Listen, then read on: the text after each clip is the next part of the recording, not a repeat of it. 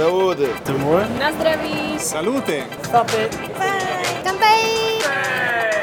由香港貿易發展局舉辦嘅第十二屆香港國際美酒展，啱啱喺十一月七號至到九號舉行。呢一項業界盛事匯集咗嚟自三十個國家同埋地區一千零七十五家國際參展商，向業界同埋公眾展示佢哋嘅佳釀。美酒展期間同場舉辦品酒大師課程、煎酒調酒師比賽、業界研討會同埋行業會議。國際美酒展每年都會帶嚟世界各地嘅新酒佳釀，今年更有唔少首次參展嘅國家。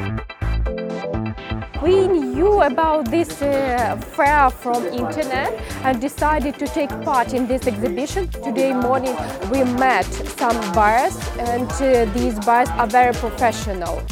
佢哋公司系乌克兰最大嘅啤酒出口商， 業務佔烏克蘭六成啤酒出口。白俄羅斯、非洲係佢哋嘅主要市場。二零一一年開始拓展中國市場，佢哋希望透過展覽開拓更多中國城市同埋亞洲出口市場。For the first time here at this exhibition and uh, of course our target, uh, target audience is uh, Hong Kong. But we also will be very glad to meet the uh, people from other countries. Mainly we met one person, one buyer. He came from South Korea and it was very interesting to talk to him, to know some, some information about the South uh, Korean market.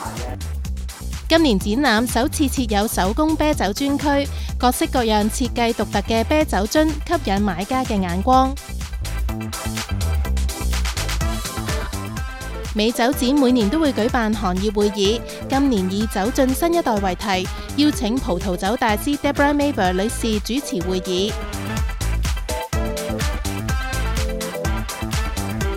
millennial generation is really important to the wine industry. They're now 25 to 39 years old. This is a key segment for wine internationally. So I think it's been really important to delve into what constitutes this generation, predictions about the millennial habits correct, but most importantly, to better understand how are the millennials in the various Asian markets different from millennials the world over.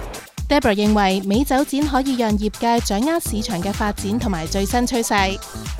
as the markets in Asia mature, people become more experimental. At first, everyone in the market was playing it safe with Bordeaux and then perhaps Burgundy. But these days, particularly the millennial generation, are looking for new experiences, lifestyle, uh, moods, and new flavors and tastes, and, and wines that they can speak about with excitement and discovery. 品嚐日本清酒成为千禧世代近年嘅社交潮流，带动对日本清酒嘅需求。其实，在香港的话，我觉得蛮多人他是想感受一个生活的体验，就是他来喝这个呢，不一定他真的只是为了去搭配日料。在这个展会的经验呢，我觉得他们其实并没有那么深，因为他们只是知道什么是纯米大吟釀，什么是吟釀。但是我想让大家知道什么是十年熟成。然後再多一個就是什么是生酒。我認為我通過一次來香港推廣，兩次、三次更多的，我相信大家會從這個國際的市場當中去摸索，會更明白它。碰一碰杯，結交多個朋友，做多單生意。國際美酒展匯聚環球酒商進行商貿配對，各式精彩活動推廣美酒文化，為業界缔造商機。